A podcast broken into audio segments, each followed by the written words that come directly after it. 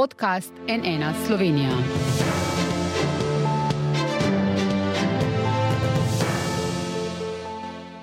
Dobr dan, to je NN studio. Ta mesec bo minilo leto dni od parlamentarnih volitev, na katerih je premočno slavilo Gibanje Svoboda in na to socialnimi demokrati in levico sestavilo vlado. Da bodo delali drugače, je napovedal zmagovalec teh volitev, zdaj premijer Robert Golob. Kaj je torej po letu dni drugače? Ta teden razburja zelo visoka podražitev dopolnilnega zdravstvenega zavarovanja, ki ga tudi tokratna levo-sredinska koalicija želi ukiniti, a kdaj in kako. Novi zakon o RTV še vedno ne velja, zdaj izločitev ustavnega sodnika iz postopka odločanja na ustavnem sodišču predlagata že kar državni zbor in vlada. Časovnice za reforme se medtem zamikajo, vladi in vodilni stranki podpora pada. Spoštovani gostje, prav lepo pozdravljeni. Z nami so vodje vseh poslanskih skupin, vseh parlamentarnih strank, gospod Borut Sajovic, Svoboda, gospa Jelka Godec, SDS, Matej Tašner Vatovec, Levica, Janec Cigler Kralj, Nova Slovenija. Lepo zdrav gostom v studiu. In z nami je prek povezave na ravnah na Koroškem tudi vodja poslanske skupine SD, Jani Prednik. Dobr dan. Dobr dan. Začenjava pa midva, gospod Sajovic. Um, novica ta teden, ki je zagotovo najbolj razburila državljane, kar 30 odstotna podražitev dopolnilnega zdravstvenega zavarovanja pri Generaliju, Triglav in vzajemna naj bi sledila v kratkem 10 evrov. Na mesec več. Torej, državljani kar ne morejo verjeti in to ob slabši dostopnosti zdravstva. Svobodni sindikati pravijo, napoved dviga je absurdna, nespremljiva, dajte že enkrat to ukiniti. Torej, gospod Sajovic, se je časovnica zdaj za ukinitev dopolnilnega zavarovanja zdaj spet premaknila, tokrat nazaj, kdaj ga boste ukinili in kako? Strinjam se s tem, kar ste v vodu povedali in delim ogorčenje državljank in državljanov, da je ena od zasebnih zavarovalnic storila tak cenoven skok, ki je enostavno nedopustno, nespremljivo lahko bi dodal še kakšen predelnik, pa mogoče tudi vprašanje. Inflacija je nekajkrat nižja od dviga cen, potem še vprašanje, kaj so storili sredstvi, ki so jim v dveh COVID-nih letih ustala. Državljanke in državljani smo plačevali v zavarovalniško blagajno, storitev pa ni bilo. Slišati je, da so bili seveda ostanki sredstev ki so se razdelila potem med dobičke uh, in pa rezerve, resna težava, ampak uh, k vsebini mi smo ukinitev dopolnilnega zdravstvenega zavarovanja obljubili, jo bomo tudi izvedli v drugem delu zdravstvene reforme. Predvsem se je pa treba pogovoriti in pa dogovoriti, kam in kako bomo ob izzivih, ki jih v zdravstvu in na dolgotrajni oskrbi eh, imamo, seveda te sredstva ustrezno eh, prerasporedili, predvsem pa znižali, tako da bodo dobički služili ljudem, ne pa zavarovalnicam. Torej, niste zdaj še nazaj premaknili to časovnico za ukinitev. Ostaja 1.1.2025. Nobena časovnica se ne spreminja uh, čez, uh, čez noč. Gre za velika, pomembna sredstva, več kot pol milijarde evrov. Ne na zadnje pa pogledajte, tudi najbrž vsi mi, ki smo v studiu, smo dopolnilno zavarovani. Dopolnilno zavarovanje pomeni neko pogodbo, dogovor med zavarovancem in zavarovalnico z nekim ad hoc političnim sklepom. Tega ni možno ne ukiniti, ne preoblikovati. Ampak minister... zato se rabi leto časa uh -huh. in minister je bil včeraj zelo jasen, odločitev bomo sprejeli v letu 2024 in jo s 1.1.25 izvedli. Je pa minister Bešič Loredan prav danes k sebi na sestanek povabil vse tri zavarovalnice, ki ponujajo dopolnilno zdravstveno zavarovanje. Kaj lahko na tem sestanku doseže? Ali v vladajoči svobodi računate, da si bodo premislili ali kako?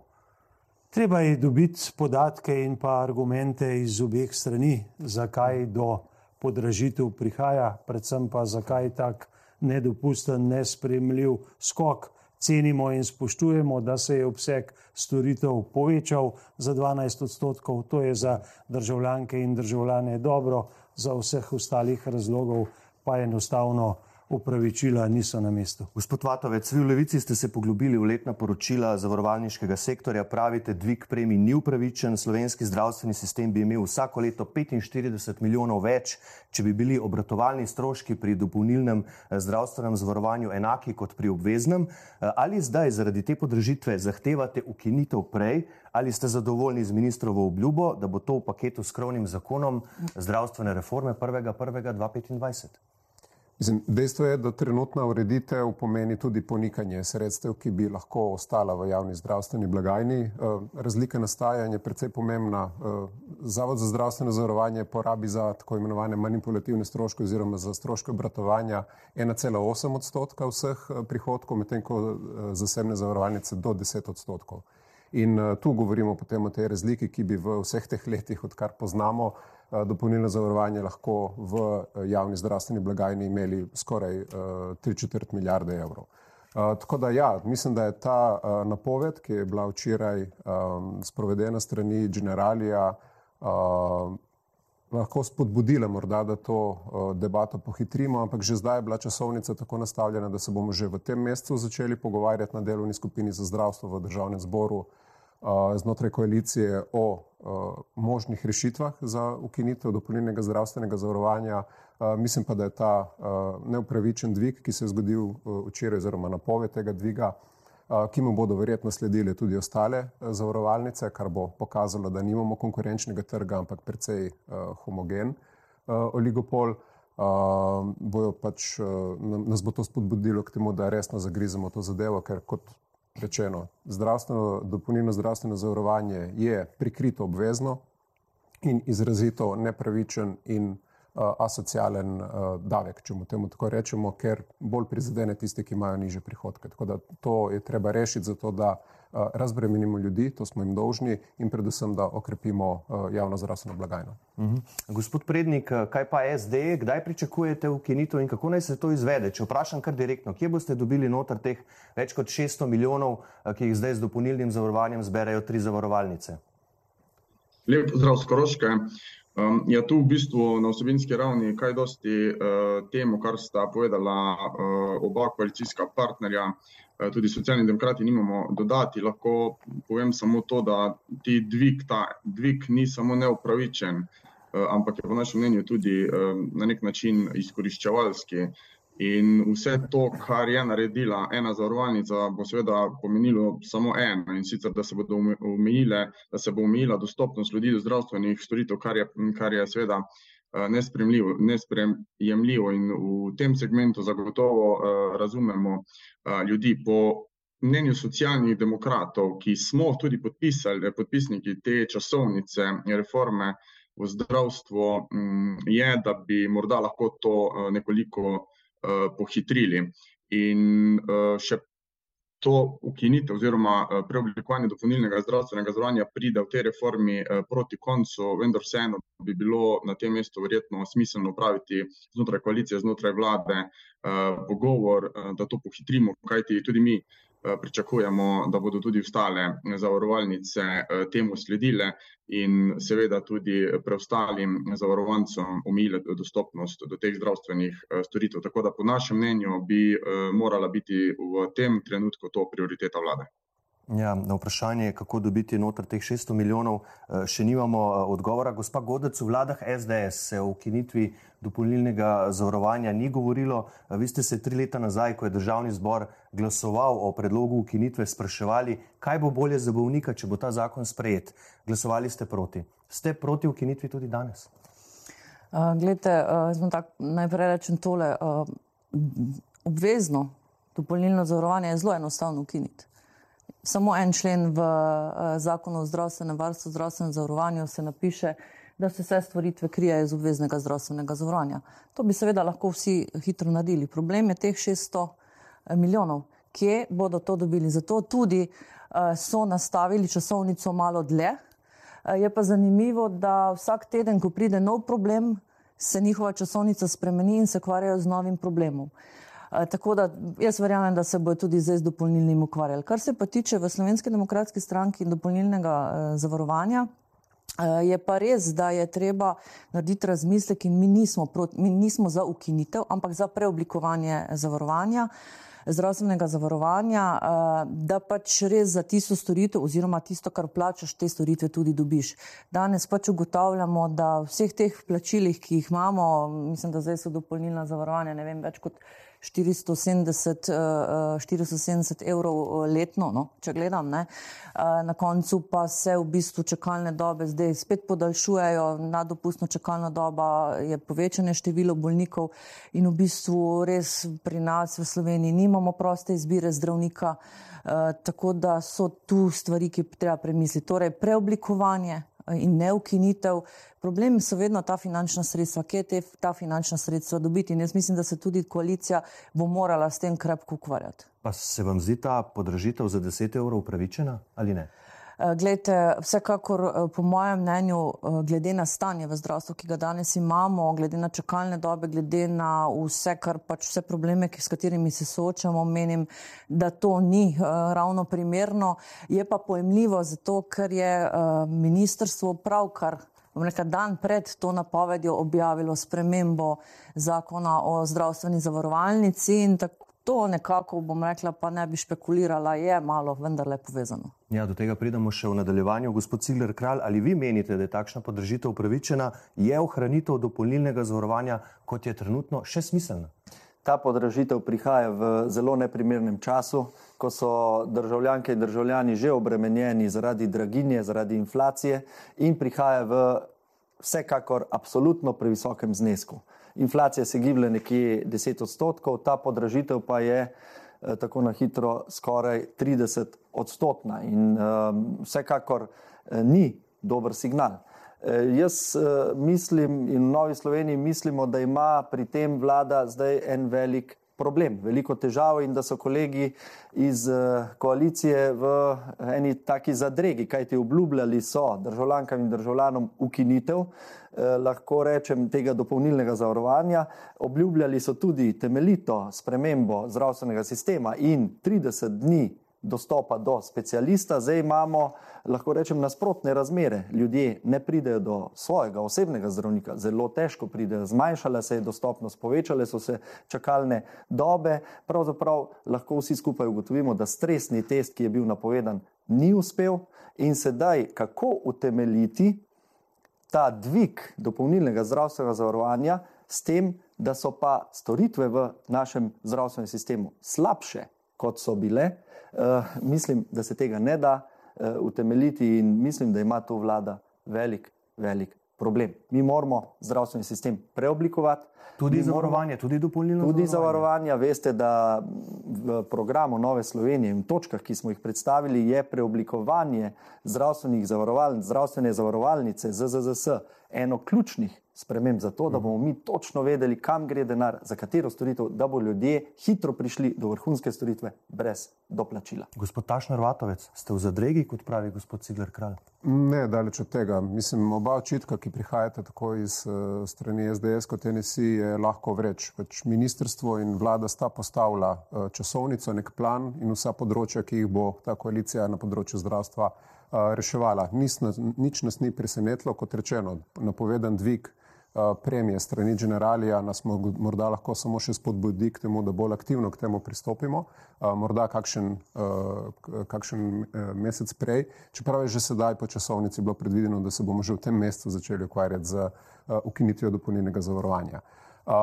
Čeprav smo mi bili tudi kritični do interventnega zakona o zdravstvu, je pa nekaj dobrega prinesel. Pokazal je tisto, Eh, kar je sicer tudi minister na začetku napovedoval, da bojo številke in sredstva, odvisno kam bojo šla, pokazale, kakšna so razmerja med delom v javnih zavodih in uh, pri zasebnikih ali, ali pa koncesionarjih. In mislim, da so uh, včerajšnji podatki in tudi uh, to, kar so bile izjave recimo direktorja UKC, pokazali na to, da je ta veliko nesorazmerje, ki se je zgodilo, tudi dokazuje, zakaj bi tak sistem, kot ga recimo predlagajo v Novi Sloveniji, pomenil dodatno razkrajevanje javnega zdravstvenega sistema. Pač profitabilne storitve bodo opravljali zasebniki, ker se jim bo to splačalo, medtem ko bodo javne bolnice, kot se je izrazil dr. Brecel, postale hiralnice. Mislim, da tega ne smemo dovoliti in to je tudi cilj te koalicije. Odkimavate, gospa Godec?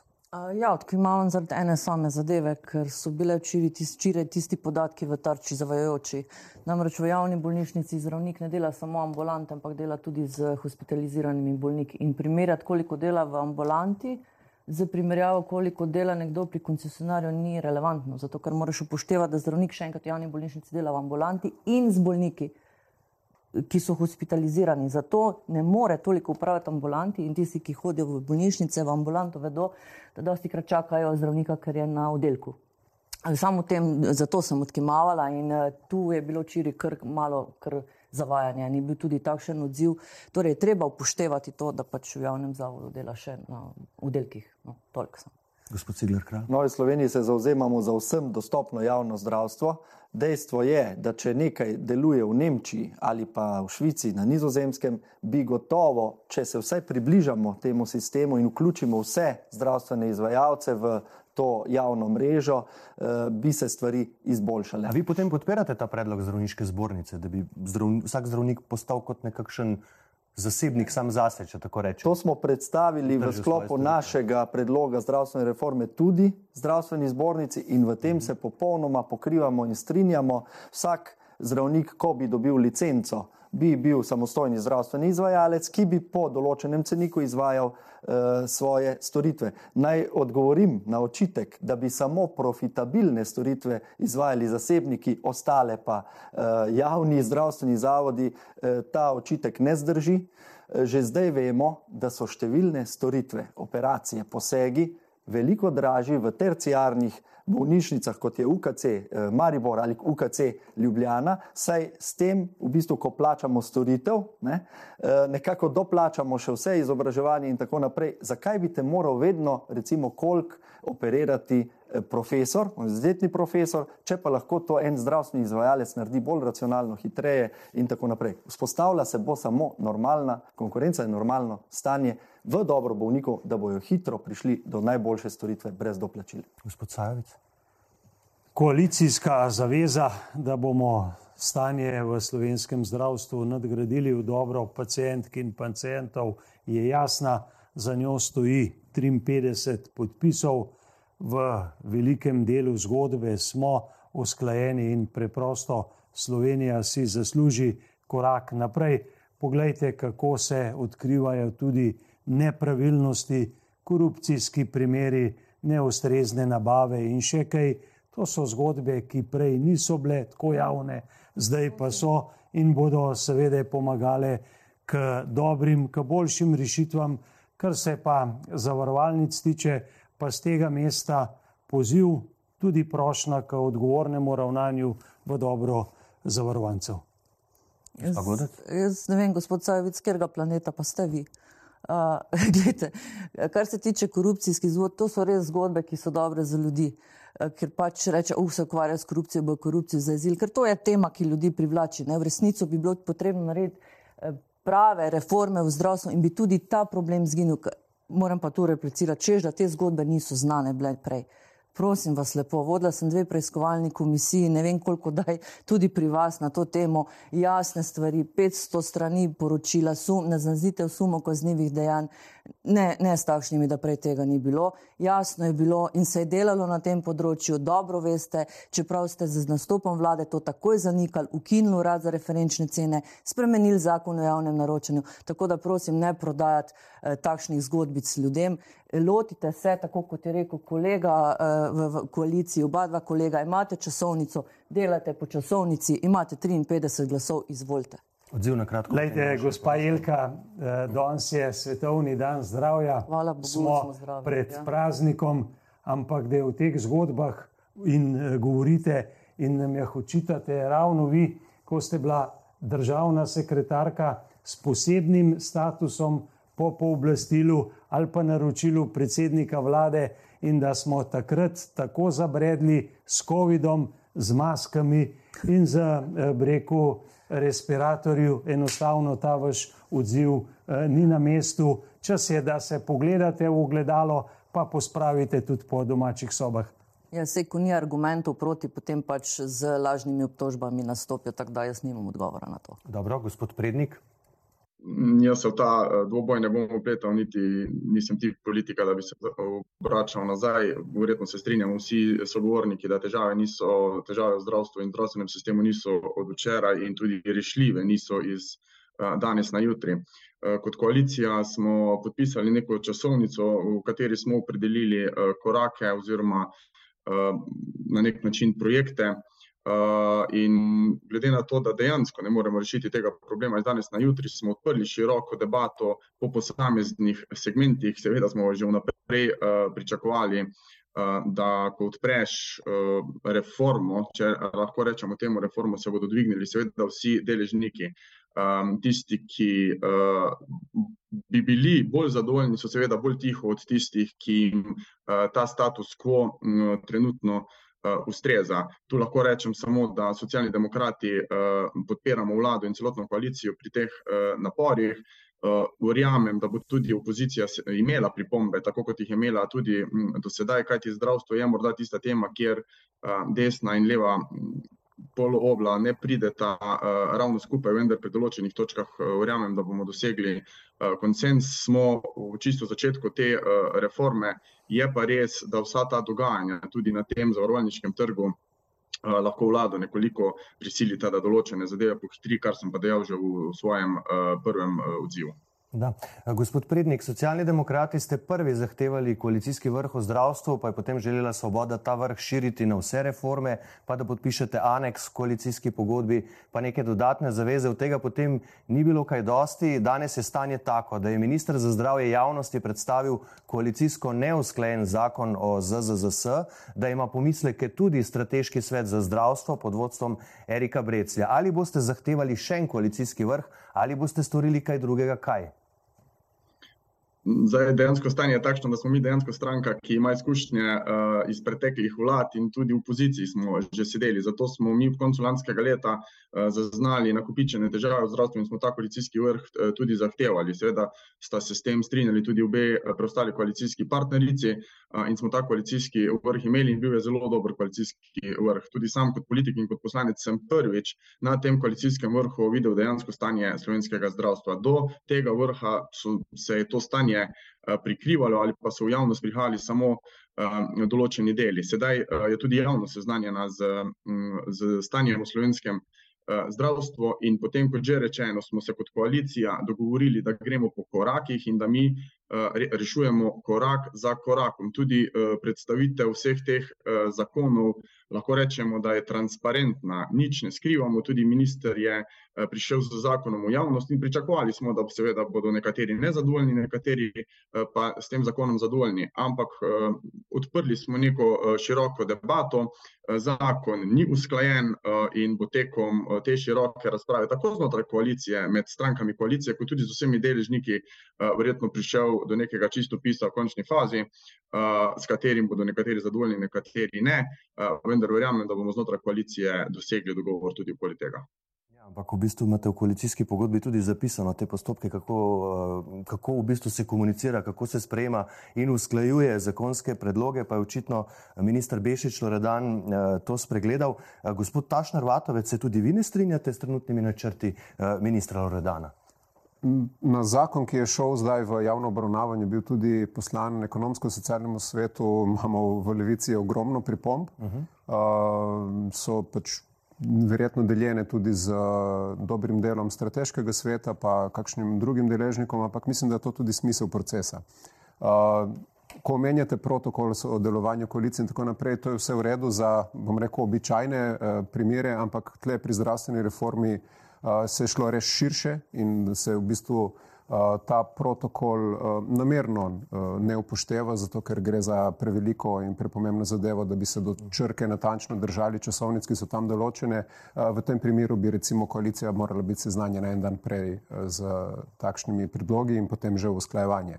Trenutno proces teče zelo široko, komentarje na zakonodajo daje tako strateški svet, delovna skupina koalicije za zdravstvo v državnem zboru in ostali deležniki, tako da iz tega vidika, kot jaz razumem, bodo zbrani vsi ti komentarji in potem bomo odtekli še en krok. Cilj je ta, da pridemo do nekega konsenza, ki bo pripeljal do zakona, ki ne bo prekomerno seveda posegel v sam Zavod za zdravstveno zavarovanje, ampak predvsem omogočil to, da bo predvsem iz upravljavskega vidika deloval boljše in da lahko potem nadaljujemo tudi istočasno z ostalimi koraki zdravstvene reforme. Gospa Godec, ali vi vidite ta predlog zakona o ZZZS, ki vladi in ministru za zdravje daje več pristojnosti pri upravljanju zdravstvene blagajne kot poskus politizacije?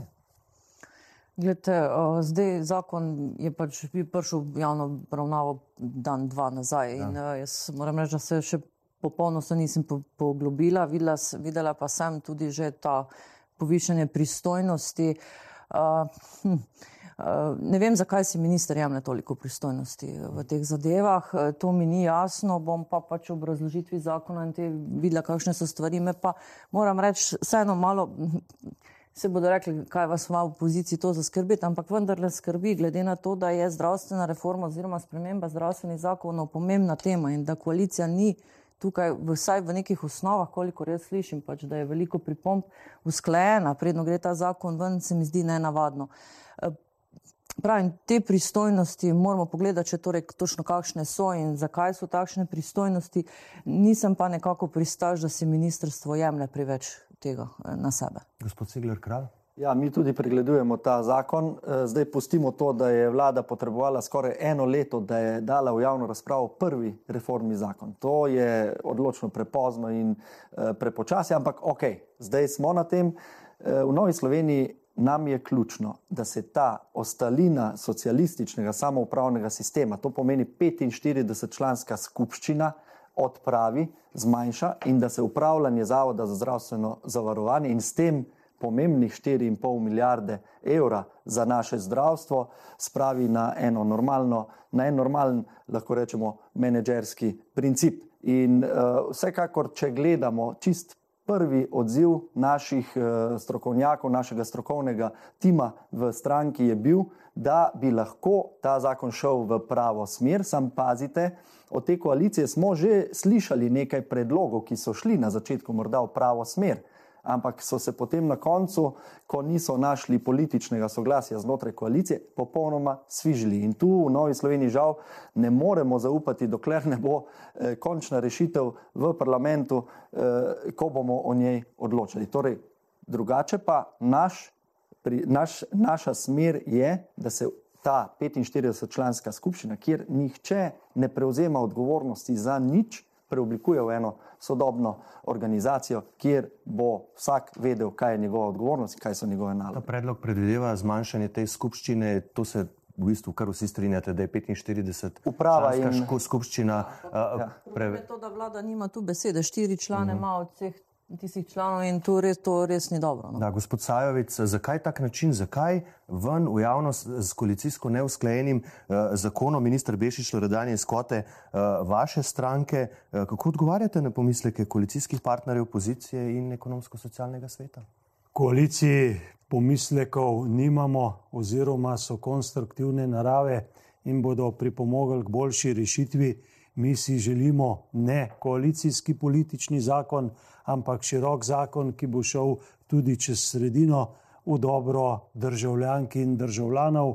Slišati je bilo, da se s tem zakonom minister z Loredan, ki uživa veliko zaupanje javnosti, prav tako kot tudi dr. Brecel, da si jemljeta veliko pristojnosti. Jaz mislim, da ravno obratno. Nastavlja sta svoj hrbet in nalagata si izjemno odgovornost skupaj s predsednikom vlade. Poglejte, eh, saj štirje ministri so se že pred njima ukvarjali s to zgodbo, nikomor ni uspelo, za Slovenijo bo dobro, če tokrat vsi skupaj, ne samo v koaliciji, uspemo, naredimo korak naprej, da bomo v zdravstvu vedeli, koliko sredstev je na razpolago, kdo in zakaj se porabljajo, in pa predvsem, kakšna je učinkovitost in pa organiziranost sistema, ki zagotovo ni optimalna. A pa potem zavračate očitke, da je glavni namen tega zakona, tega predloga zamenjava direktorice ZZS Tatjane Mlakar, ki je vlada zdaj ne more zamenjati? Glavni namen tega zakona je samo en, da tisti, ki v zdravstveno blagajno uplačujemo, da smo enakomerno zastopani in da se zadeve nadgradijo in izboljšajo. Gospod Tovatovec, vas moti tudi vladni predlog zakona o zavodih, pa ne samo vas, da, da se razumemo, eh, po katerem bi lahko državna ali lokalna politika mimo svetov eh, zavodov menjala direktorje. Danes na kolegiju predsednice eh, državnega zbora ste glasovali proti skrajšanemu postopku vsi, razen svobode, ki je tu ostala sama, vse ostale štiri stranke ste bile proti. Ostro proti je tudi sindikat Svis, ki grozi z referendumom, pa pravna mreža za varstvo demokracije upozarja, da je vlada predlog skrivala, da predlaga sprejem po skrajšanem skrajšanem postopku, ki je zdaj sicer padel, poslance pozivajo, da zakon zavrnete. Ga boste? Um, zdaj, kar se tiče samega postopka, zagotovo ni uh, manjša sprememba skladno s poslovnikom, ampak gre za precej velik poseg v sam način uh, imenovanja, predvsem pa razreševanja uh, predstojnikov različnih javnih zavodov strani ustanovitelja. Tu v naši poslanski skupini delimo uh, pomisleke, ki so bili izraženi strani Eh, deležnikov, kot ste dejali v vprašanju. Tako da uh, jaz pričakujem, da se bomo o tem zakonu v koaliciji še veliko pogovarjali in da bomo tudi našli ustrezne popravke za to, da bo cilj, kot je bil zastavljen, lahko dosežen na bolj um, smev način. Pač ne bi, ne bi želeli, da se tako široko polje interpretacije lahko odpre tudi za kakšno drugo vlado. Ja, gospod Prednik, ali vi ta predlog, ki vas je očitno presenetil vsega včeraj za NN v SD, niste želeli komentirati, razumete kot poskus pomoči ministru Loredanu, da bi menjal direktorje zdravstvenih zavodov, eh, torej bolnišnic, eh, zdravstvenih domov? Um, tudi mi smo glasovali danes proti tem skrajšanemu postopku, zato ker ni bilo razlogov oziroma je zakon Eh, dejansko posega na preveč področji in preveč globoko, da bi lahko to šlo po skrajšenem postopku. Zato smo mi tudi glasovali proti in smo zadovoljni, da gre po rednem postopku. Eh, zakon je eh, tudi v javnosti in pri vseh deležnikih sprožil negativne komentarje, negativne odzive in prav je, da gre po rednem postopku in da se da si vzamemo čas za ta zakon. Kakšno bo glasovanje na koncu, ne vem, zato ker se zakon seveda tekom rednega postopka uh, lahko tudi uh, spreminja. Uh, kakšen namen je imel minister Loredan oziroma kakšen namen ima, ne vem, ampak verjamem, da bomo uh, to tekom postopka in sprejemanja uh, tega zakona tudi videli.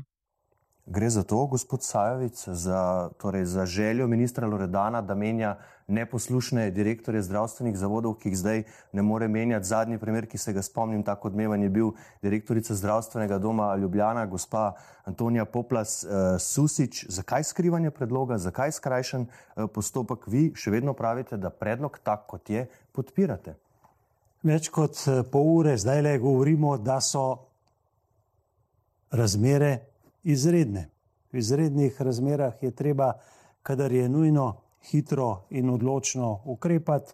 Zakon je v proceduri, v svobodi se strinjamo z ministrom in vlado, da je seveda skrajšen postopek tisti, ki pripelje do hitrih in odločnih rešitev, odgovornost ustanoviteljev zavodov, strani države, lokalnih skupnosti je velika prav je, da imajo za to, da svojo odgovornost uresničujejo, seveda tudi uh, učinkovite vzvode in pa urodja, kar se pa seveda uh, ljubljanske zgodbe tiče, pa gre seveda za zavod, ki je organiziran drugače in tam minister nima neposredne vloge in pa vpliva. Da, eh, občina Ljubljana, vemo, da župan Zoran Jankovic, s katerim je vaša stranka skupaj v mestni koaliciji, seveda gospod neomajno eh, podpira, ampak jasno je, da vi glasov za sprejem takšnega predloga, kot je trenutno, nimate, da boste očitno nekaj morali spremeniti, če želite pridobiti vsaj glasove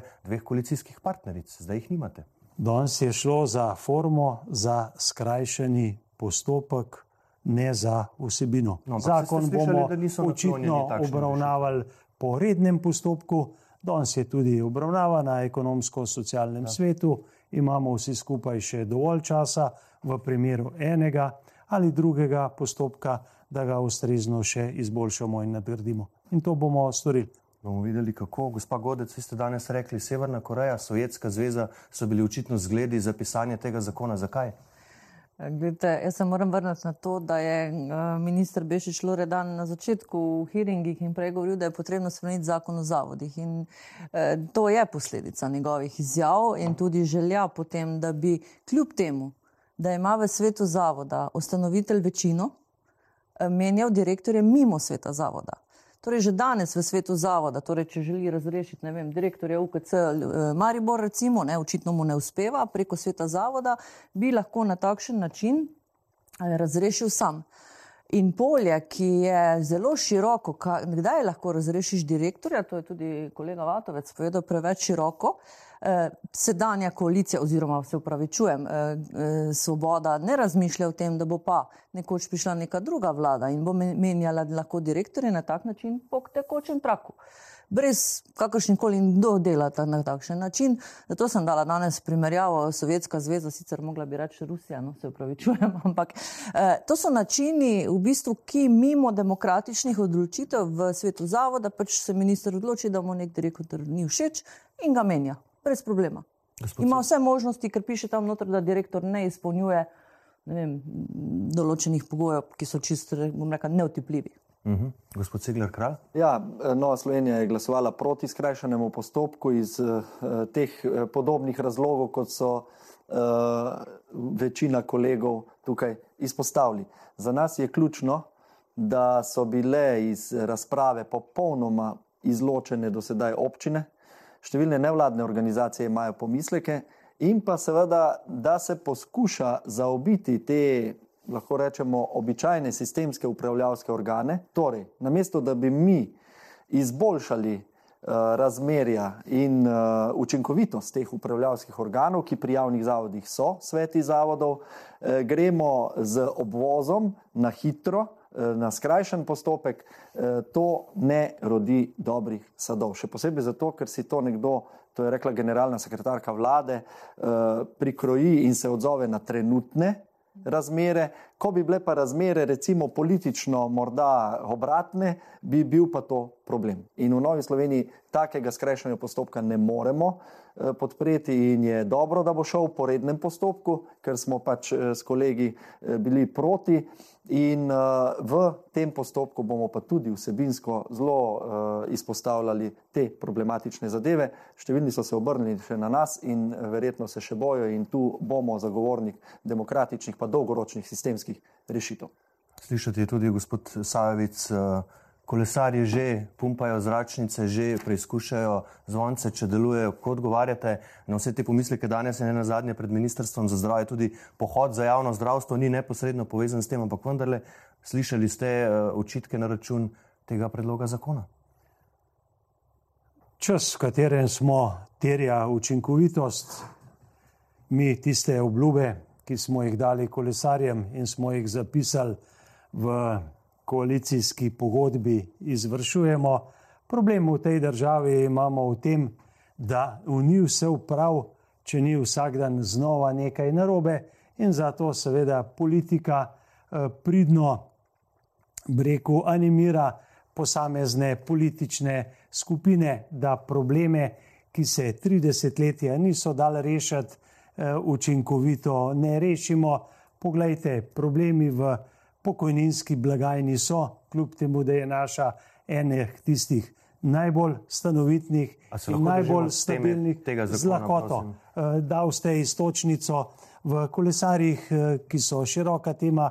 In na njo je treba. Ja, ampak, tudi eh, danes je generalna odgovoriti. sekretarka vlade na kolegiju predsednice rekla, tudi gospod Cigler Kralj na to spomnil, da je predlog zakona o zavodih rešuje trenutno dogajanje v, v javnih zavodih katero trenutno dogajanje konkretno torej ta predlog zakona rešuje, da je bil zastavljen na tak način?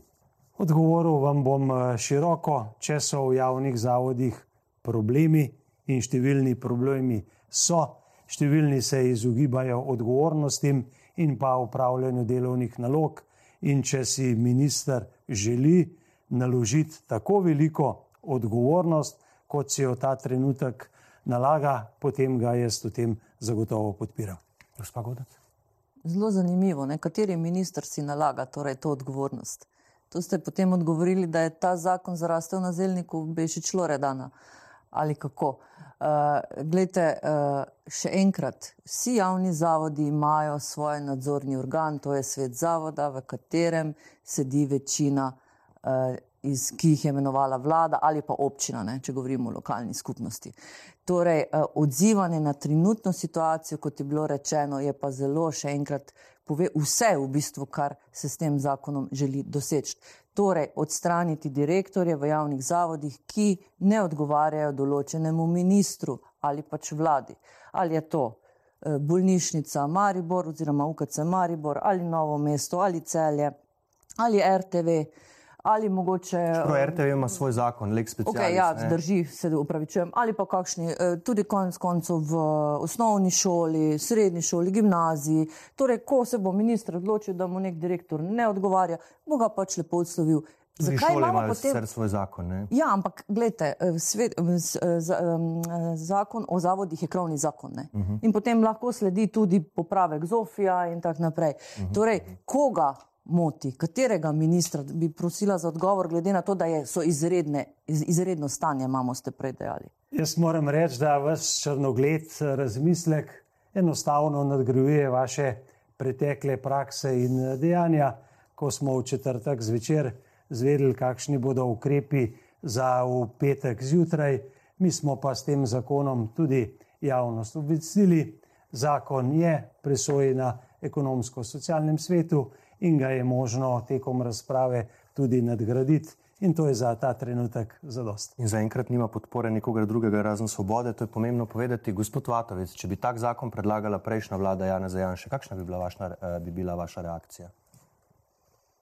Kar smo eh, poudarjali tudi ob volitvah, eh, glede na to, da je kmalo obletnica, je bilo to, da se bo nazaj vzpostavilo, če ne drugo, vsaj nek minimum spoštovanja vladavine prava, To je nekaj, kar povdarja tudi uh, predsednik vlade pogosto in mislim, da je to cilj, ki ga moramo zasledovati. Ne glede na to, kakšne so uh, trenutne razmere, je po mojem naša težnja mora iti v to smer, da ko bomo pripravili oziroma ko pripravljamo katerokoli obliko zakonodaje, da bo ta čim bolj uh, zasledovala uh, cilj spoštovanja nekih pravnih norm in ne uh, preveč vznemirila javnosti. Tako da uh, mislim, da bo to zgodba tudi tega zakona, se pravi, da ga bomo v zakonodajnem postopku z upoštevanjem pripomb, ki bodo prišle strani različnih javnosti, tudi ta cilj dosegli. Niste mi pa odgovorili na vprašanje, kaj pa vi, gospod Prednik, kako bi vi reagirali, če bi prejšnja vlada v državni zbor poslala kaj takega in predlagala skrajšen postopek?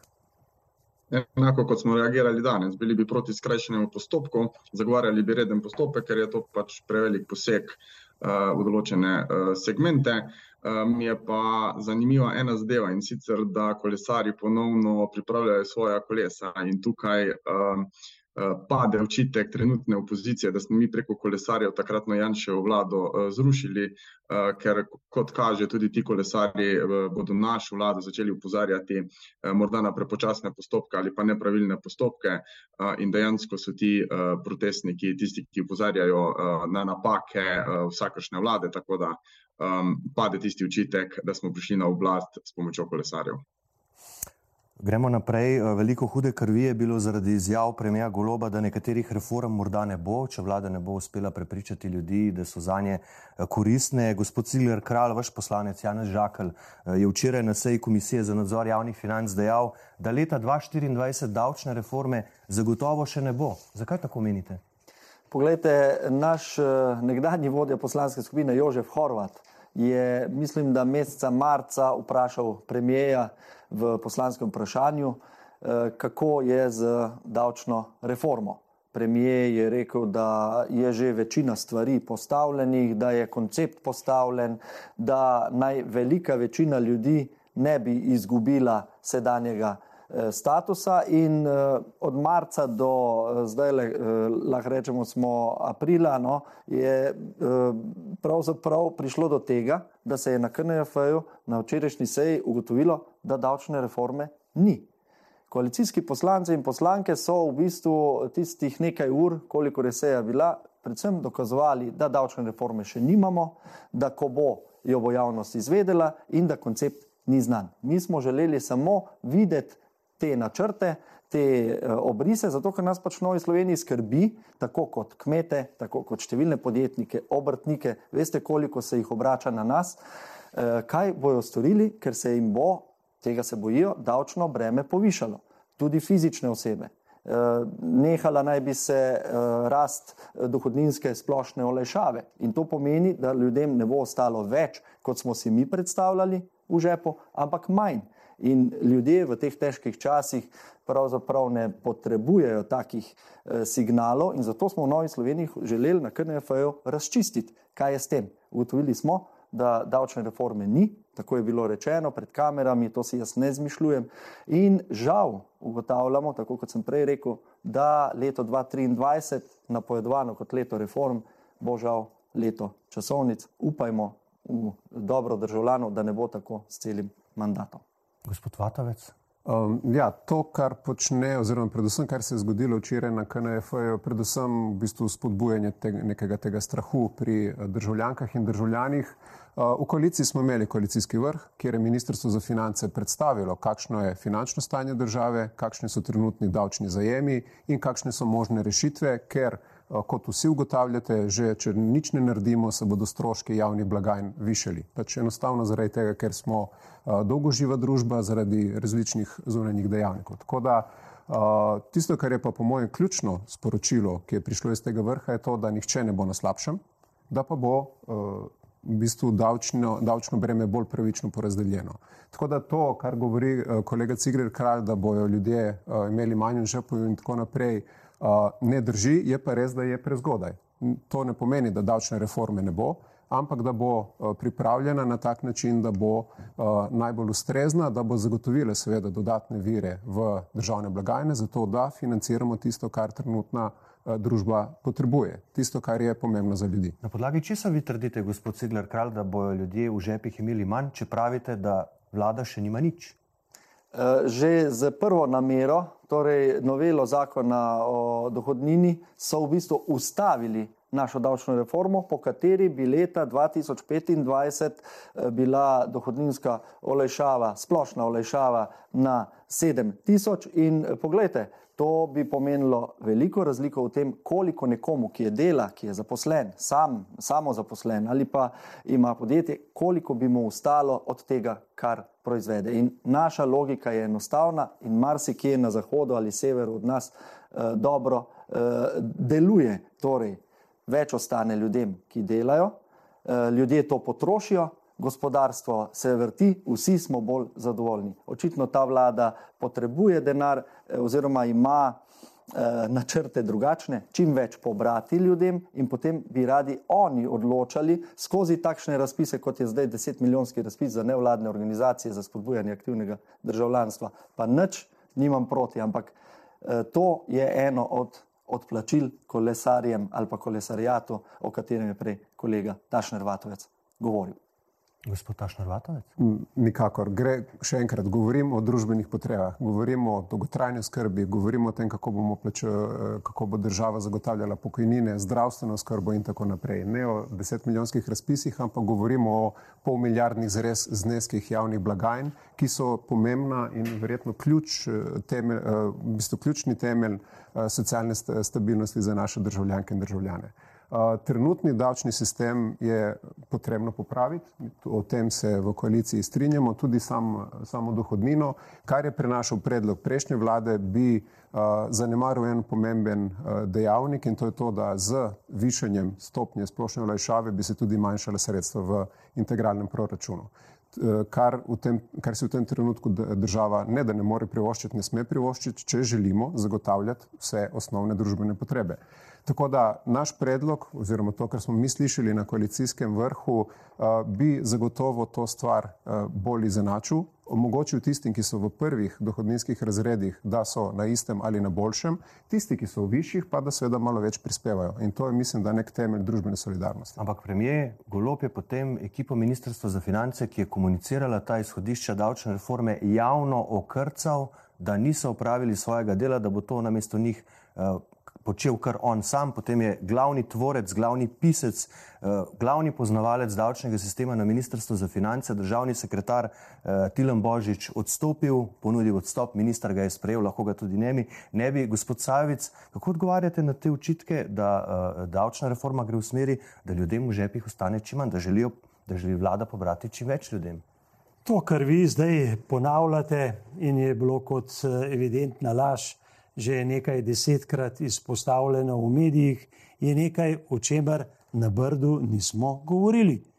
Mi smo preverjali obstoječe stanje in skrb in nadgradna za javnih financ, zato da bomo sposobni izpeljati eh, dolgotrajno oskrbo, zdravstveno reformo, povečati, eh, rekel, tudi prilive v pokojninsko blagajno, je tisto, kar je na prvem mestu predsednik vlade je prevzel, bom še enkrat ponovil, tudi tu veliko odgovornost in povedal je, da se iščejo rešitve v dobro ljudi, da nihče od tistih, ki jih se jih to tiče, ne bo na slabšem in to je vse.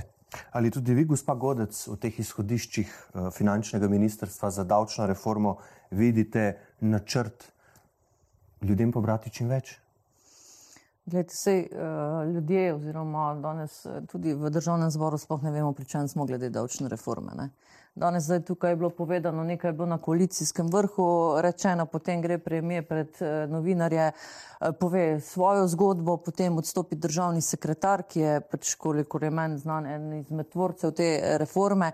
Uh, da pa ne govorimo o tem, da je bila prva, uh, prvi korak reformi, torej sprememba zakona o dohodnini ker se je pač uh, obremenili državljane. In če bodo do stvari šle v to smer, kot je predvideno, torej več, vedno večjo obremenitev državljanov za to, da se pridobi čim več denarja v sre, čim več sredstev v državni proračun, hkrati pa ljudem ne bo ponujeno spremembe na področju zdravstva, dolgotrajne oskrbe, ki so jo zamaknili za leto dni, eh, pokojninskega eh, dela, potem je to nesmiselno delo. Oziroma bo tu velik revolt, definitivno. Torej, če ti pobereš več, vse ostale storitve, javne storitve, pa ostane na isti ravni. In eh, hvala Bogu, če se jim časovnica zamakne. Uh mhm. -huh. Gospod Prednik, kaj boste naredili, da preprečite revolt, kot mu pravi gospa Jelka Godec? Situacija okoli uh, trenutne davčne uh, reforme je dokaz, kako zelo pomembna uh, je komunikacija. Uh, In tu lahko samo potrdim besede kolega uh, Sajovica in tudi um, Tašna Rovatovca. Mi smo se na vrhu koalicije seznanili z trenutnim uh, stanjem, potem pa smo po vrhu koalicije videli predvsej dezinformacij, ki jih je seveda logično opozicija uh, izkoristila. Od tega, da bomo obdavčili božičnico, regres in tako naprej, o tem ni bilo govora. Uh, in socialni demokrati na to tudi ne bi in ne bomo uh, pristali. Eh, teza, da bodo ljudje imeli manj v žepih, ne drži. Nihče po davčni reformi, kakršna koli že bo, ne bo imel manj v svojih žepih. Je pa res, da smo govorili, da tisti, ki imajo več, morajo pač progresivno tudi uh, prispevati uh, več. Um, To je pa to, na vrhu uh, nismo dorekli nič drugega, in koliko je tudi meni znano, je ta davčna reforma sedaj uh, v pripravi na Ministrstvu uh, za finance in se z njo uh, v neke globine še vsaj jaz in socialni demokrati uh, nismo soočili, tako da komentiranje razen teh izhodišč, ki sem jih dal in so tudi izhodišča socialnih demokratov, uh, ne bi šel.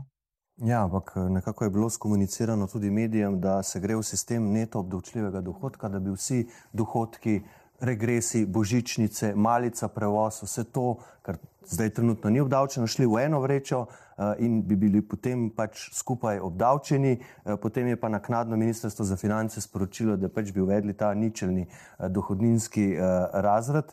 Um, bomo šli tu naprej, ker smo že v sklepnem delu. Še vedno je burno dogajanje tudi zaradi zakona o RTV Slovenija. Ustavno sodišče ga je v delu zadržalo, vsi čakajo, da o njem tudi odloči, medtem pa prihajajo, kar vrstijo se v bistvu predlogi za uh, izločitev eh, sodnikov. Če bodo upoštevani vsi ti predlogi, bi bili lahko skupno izločeni kar štirje ustavni sodniki od devetih. Uh, pod predlog za izločitev Klemna Jakliča se je kot predstavnica državnega zbora podpisala predsednica Urška Klakočar Zupančič. Vi, gospa Godec, ste zapisali bizarka predsednice državnega zbora. Zakaj? Ja, zato, ker eh, nihče, vsaj koliko sem se jaz pogovarjal, tudi s pravniki, ne vidi pravne podlage za kaj takšnega.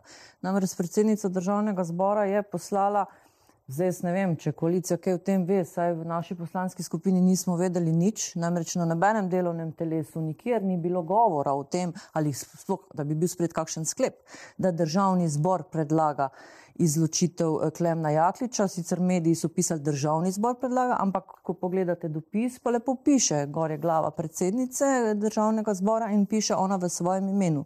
Torej, na podlagi katerih zakonskih podlag predsednica državnega zbora lahko predlaga to. In eh, kot odziv iz eh, ustavnega sodišča so dobili glede. Uh, sodnika, ki ima to zadevo v rokah, tudi vprašanje, na podlagi katere pravne podlage je to državni zbor izvršil. Danes je sicer zadnji dan, ko je potrebno dati odgovor, če ga bo seveda državni zbor dal. Jaz sem danes na kolegiju to vprašala, pa je, da se pripravlja odgovor, kakšen bo, še ne vemo, ga bomo verjetno videli. E, tako da je to zelo nenavadno in je pa priskočila na pomoč vlada, ki je prav tako dala predlog za izločitev, ki se pa prav tako ne ve, po katerih zadevi, glede na to, da, ni, da oni pa niso uh, stranka v postopku. Imate vi te odgovore na ta vprašanja? Se bi vprašali, gospod predsednico, pa je trenutno še vedno na obisku uh, v Afriki, Imat, je pač seveda članica uh, vaše poslanske skupine. Imate vi te odgovore, gospod Sajovic? Zagotovo dve stvari ali pa tri želim povdariti. Kot prvo, izraziti podporo in solidarnost stavkajočimi na RTV-ju tudi državljanke in državljani so zaskrbljeni nad stanjem, ki se tam dogaja. Drugo, predsednica državnega zbora je na službeni poti v Afriki, kjer se pridobiva dragocene in potrebne glasove za našo nestalno članstvo v varnostnem svetu. Zdaj pa k bistvu iz dosedanjih parlamentarnih praks izhaja, da se predsedniki državnega zbora kot udeleženci v postopkih udeležujejo javnih obravnav. Tako je bilo zdaj zgodovinsko že na leta in tako bo tudi naprej v bodoče. In ravnanje predsednice ni bilo v ničemer nenavadno, ampak samo skrbno, da kot tista, ki skrbi, za zakon na koncu, ki je bil potrjen z več kot 60 odstotki na referendumu in je zdaj v presoji na ustavnem sodišču, da je dala dodatne procesne predloge. Mislim pa, da pravna stroka že pritrjuje njeni potezi, da je bila na mestu, bolj je pa mogoče nenavadno neko vprašanje, ki smo ga dobili z druge strani, za katerega se pa stroka tiče, da bi ga tisti, ki so ga postavili kot odgovor na njega, morali tudi sami poznati. Gospa Godec, kaj pravite na to? Skrbno ravnanje predsednice državnega zbora, ki je mimo grede tudi zahtevala v pogled v spis na ustavnem sodišču in, tudi, in je bil tudi odobren. Drži, da? drži. Predsednica državnega zbora lahko po enem členu zakona o ustavnem sodišču, ne vem na pamet katerega, p, eh, zahteva oziroma zaprosi za pogled ker ga, ker ga po enem drugem členu ne more imeti, ker ni stranka v postopku. Vendar pa, če zahteva in če uh, predsednik ustavnega sodišča odobri, potem lahko pogleda. Ampak to ji še ne da pravico, da predlaga izločitev sodnika ali da karkoli drugega predlaga, ker ni, ker je državni zbor stranka v postopku in poslovnik in zakon o ustavnem sodišču lepo piše o teh zadevah. Torej, skrbno glede zakona, skrbnik zakona je državni zbor. Državni zbor je sprejel zakon, ga tudi razlaga. In ko, če bo, ali pa ko recimo v določenem zakonu ustavno sodišče sprejme odločbo, da zakon ni v skladu z ustavo, naslovi na državni zbor zahtevo, da pač zakon v določenem roku popravi. Ne? In državni zbor ponovno odloča. In v vseh, v celotnem postopku glede pač tega zakona je šlo seveda najprej na matično delovno telo, zakonodajna pravna služba je dala mnenje in potem je bilo to poslano tak, tak naprej. Torej, uh, vprašanje, ki je prišlo iz ustavnega sodišča od poročevalca Svetliča, je seveda vprašanje takšno zato, ker jaz verjamem, da tam so pa vendarle pravniki, ki vedo, po katerem bom rekla, členu ali eh, kakorkoli je predsednica, bi bila upravičena do tega, ker pa sami verjetno niso našli tega, pač sprašujejo, kje, odkot sedaj to. Vprašanje je tudi, odkot vlada lahko daje takšne predloge. Torej, eh, skrbno delovanje. Glejte, eh, Vlada se sklicuje na to, da je udeleženec v postopku. Ne? Udeleženec postopku je državni zbor. Uh Mhm. -huh. Vlada je kot predlagatelj uh, lahko daje, če je ustavni zbor. Uh, Vatovec, vi podpirate to, da in državni zbor, in vlada, torej Urška Klakočar Zapančič v imenu državnega zbora in vlada, da predlagata izločitev sodnika Klemna Jakliča? Če se pogovarjamo konkretno o konkretnem sodniku, uh, mislim, da je upravičeno in tudi na nek način v javnem interesu. Gospod Jaklič je, pustimo ob strani to, da vemo, da je um, velik navijač stranke SDS, ki je tudi pred uh, sodiščem mahal z zastavicami. Janez Janša razglasil za Za enega največje osebnosti sodobne zgodovine. Ja. Uh, ampak je tudi recimo, v zadnjih tednih na določenih medijskih uh, postajah razglašal, kako bo pravzaprav odločil v tem postopku. Tako da iz tega vidika je Torej, vi vsekakor. podpirate to? Ja, jaz mislim, da je v javnem interesu, glede na to, da je stanje na RTV-ju zatečeno, to, da v bistvu uh, vodstvo radiotelevizije uh, dobesedno sesuva javni servis in praktično se nam zdi, da na koncu ne bo ostalo več nič od tega, stopnja gledanosti pada, dogajajo se finančne malverzacije in tako naprej. Uh, je to po naši oceni nekaj, kar je ne samo pristojnost udeležencev v postopku državnega zbora in vlade, kot tiste, ki bdi nad javnim zavodom, na nek način tudi odgovornost, da zagotovi ne, uh, uh, neoporečen postopek odločanja. ampak še enkrat, jaz poudarjam to, da ni vložil državni zbor. A si ti kdaj odločil o tem? To je predsednica državnega zbora naredila samovoljno. Ali ste bili obveščeni? o Predsednik državnega zbora predstavlja državni zbor, zdaj pač samo pripravljajo se teh uh, odgovori pravni, tako da dajmo počakati na to, kakšna bo obrazložitev. A vi ste bili obveščeni o tem, gospod Prednik, če še vas oklopim v SD-ju, ste bili obveščeni, da bo predsednica državnega zbora to naredila? Ne, eh, to sem sam, pa tudi mi smo to izvedeli uh, iz medijev. Zdaj, ali je bilo to prav ali ne, bodo povedali tisti, uh, ki se s tem ukvarjajo. Se pa vsebinsko jaz se absolutno strinjam uh, z gospodom Vatovcem, ki je de, dejal, da bi uh, bilo smiselno, da se gospod Jaklič sam izloči, zato ker je pri določenih propagandnih zadevah tudi sodeloval. Tako da, če bi to ustavni sodnik naredil sam, niti ne bi bilo potrebno to predlagati ali predsednici državnega zbora eh, ali pa vladi. Jaz samo upam, da se saga okoli RTV-ja čim prej zaključi, tudi upam, da bo ustavno sodišče čim prej odločilo, kakorkoli eh, eh, že bo odločilo, ker je verjetno to v interesu tudi ne samo nas politikov, ampak tudi gledalk in gledalcev. Tako da jaz upam, da bo ustavno sodišče čim prej v tej zadevi odločilo in tudi odločilo. Gospod Cigler Kralj, kaj pa vaše mnenje o tej potezi predsednice državnega zbora, tudi o potezi vlade, ne na zadnje? To je še ena velika zadrega sedanje koalicije. Na oblast so prišli z velikimi obljubami o ponovni vzpostavitvi pravne države, zdaj imamo v kratkem času, še niti eno leto ni minilo, že dve, dva primera ene velike zadrege, ko se šele naknadno iščejo pravne podlage za neko obljubo ali potezo. Spomnim na obljubo sodnikom in državnim tožilcem o 600 evrih, potem se je ugotovilo, da pravne podlage ni, je zadeva potihnila in se pravna podlaga še išče. Zdaj gre za drugo zadevo. Eh, Ko se išče pravna podlaga in odgovor ustavnemu sodišču na podlagi katerega člena, katerega zakona predsednica državne, državnega zbora, ki je samo prva med 90 poslankami in poslanci, zahteva izločitev enega od ustavnih sodnikov. To je problematično zato, ker vem, velika večina ljudi ve, da ko ti napišeš eno tako zahtevo, moraš že sam noter navesti pravno podlago. In to je velika, lahko rečem, strokovna in procesna napaka eh, služb eh, eh, predsednice državnega zbora. Sicer pa menimo v Novi Sloveniji, da je trenutno to velik in neprimeren politični pritisk na delo ustavnega sodišča. Vi torej ne Zakon- podpirate eh, nobene, nobene izločitve, nobenega od sodnikov. Dobro, eh, ustavni sodnik Rok Čeferin se je že prej eh, izločil, še trije predlogi so na mizi, eh, gospod Četo, gospa Kogovšek Šalomon in gospod Jakliča. Podpirate kakšnega od teh predlogov? Dokončam stavek. Dobro. E, torej, Tu gre za velik politični pritisk na delo ustavnega sodišča. Mi menimo, da je to neprimerno. Zakon je na ustavnem sodišču. Ustavno sodišče potrebuje zdaj mir, da o tem zakonu in o njegovi skladnosti z ustavo presodi.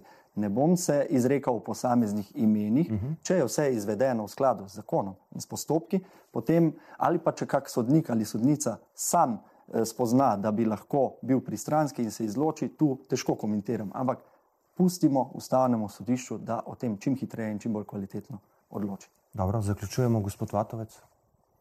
Ja, kot rečeno, jaz mislim, da ne gre za pritisk uh, na ustavno sodišče. Ta pritisk se je začel z določenimi, uh, mislim, ta pritisk, ta vrteljak se je začel z določenimi predhodnimi predlogi. Uh, dejstvo je, da si vsi skupaj želimo, da bi uh, RTV lahko normalno začela ponovno funkcionirati. Uh, mislim, da je stališče številnih, oziroma ja, številnih stavkajočih na javnem zavodu uh, zelo jasno. Je, temu je pritrdilo tudi uh, ljudstvo na referendumu in uh, dejansko lahko rečemo, da je trenutno ta institucija ugrabljena strani pač ene točno določene politične uh, opcije in to ni v korist nikomu, razen tistim, ki to počnejo. Tako da za to, da se prekine to nasilje, uh, mislim, da je prav, se strinjam, da se ustavno sodišče v miru odloča. Je pa res, da če so kakšni dvomi glede pristranskosti, da je pa tudi to treba odpraviti. Gospa Godec, te očitki, da je v rokah ene točno določene politične opcije, ne skriva koalicija, da s tem mislijo, predvsem na vas tudi ni nobena skrivnost, da so določeni ključni kadri na RTV Slovenija uh, prišli skoraj direktno iz vlade, prejšnje vlade SDS. Vaše zaključne misli o tem? Oglejte, nikogar ni motilo, ne vem koliko desetletij eh, vladavine eh, določene politične opcije na RTV-ju. Zdaj pač moteče, ker je mogoče eh, malo več iz druge, bolj rekla, politične opcije oziroma se vzpostavljajo neki normalni tudi TV dnevnik, odmevi in tako naprej. To, to je pa zdaj moteče. Ne? Kar se tiče ustavnega sodišča, gledajte, če je tako, kot je bilo rečeno na ustavnem sodišču, da so ustavni sodniki, ki odločajo neki zadevi, ne glede na to, katero je in da čutijo, da bi bili prišli do konflikta interesov, da se sami izločijo. Res je, da imajo predlagatelji oziroma stranke postopku tudi možnosti eh, tega, torej, eh, da dajo eh, predlog za izločitev. Torej, mora biti vse na pravni podlagi. To, kar pa se danes dogaja, je redni pritisk na ustavne sodnike in res bi bilo potrebno ustaviti konje, ampak če gledate pritiski, so prišli celo tako daleč, da je prišla komisarka iz Evropske komisije se pogovarjati na ustavno sodišče, pa z Ministrstvo za kulturo in tako naprej. Torej, o tem češ dajte mir eh, oziroma pustimo ustavno sodišče, o tem se mora vprašati vladajoča klika trenutno. Gospod Sajovic? Pri zakonu o RTV gre najprej podporo državljankam in državljanov, ki si želijo objektiven pa zanimiv javni servis.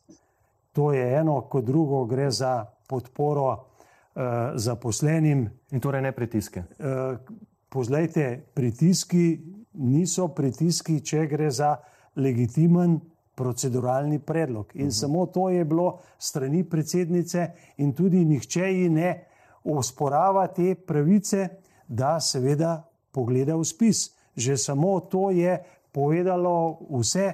Zgodbo je treba čim prej razrešiti, da pa seveda eh, o tem zakonu govorijo tisti, ki so predlagali referendum, in potem, ko se je za njim odločilo 62 odstotkov naših državljank in državljanov, ne razumejo tega sporočila, je pa res zaskrbljujoče. Dobro, gospod Prednik, zaključili bomo z vami. Je treba res ustaviti konje, kot smo slišali iz opozicijske strani?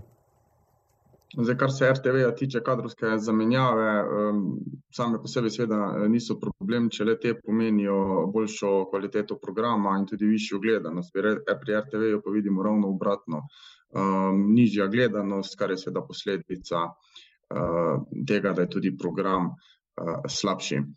Jaz mislim, da bi v politiki generalno morali vsi ustaviti nekoliko konje, malo znižati napetost, ne glede na to, ali gre za koalicijo in opozicijo ker samo na ta način bomo vsi lahko bolj zbrano in bolj trezno odločali v prihodnjih zadevah.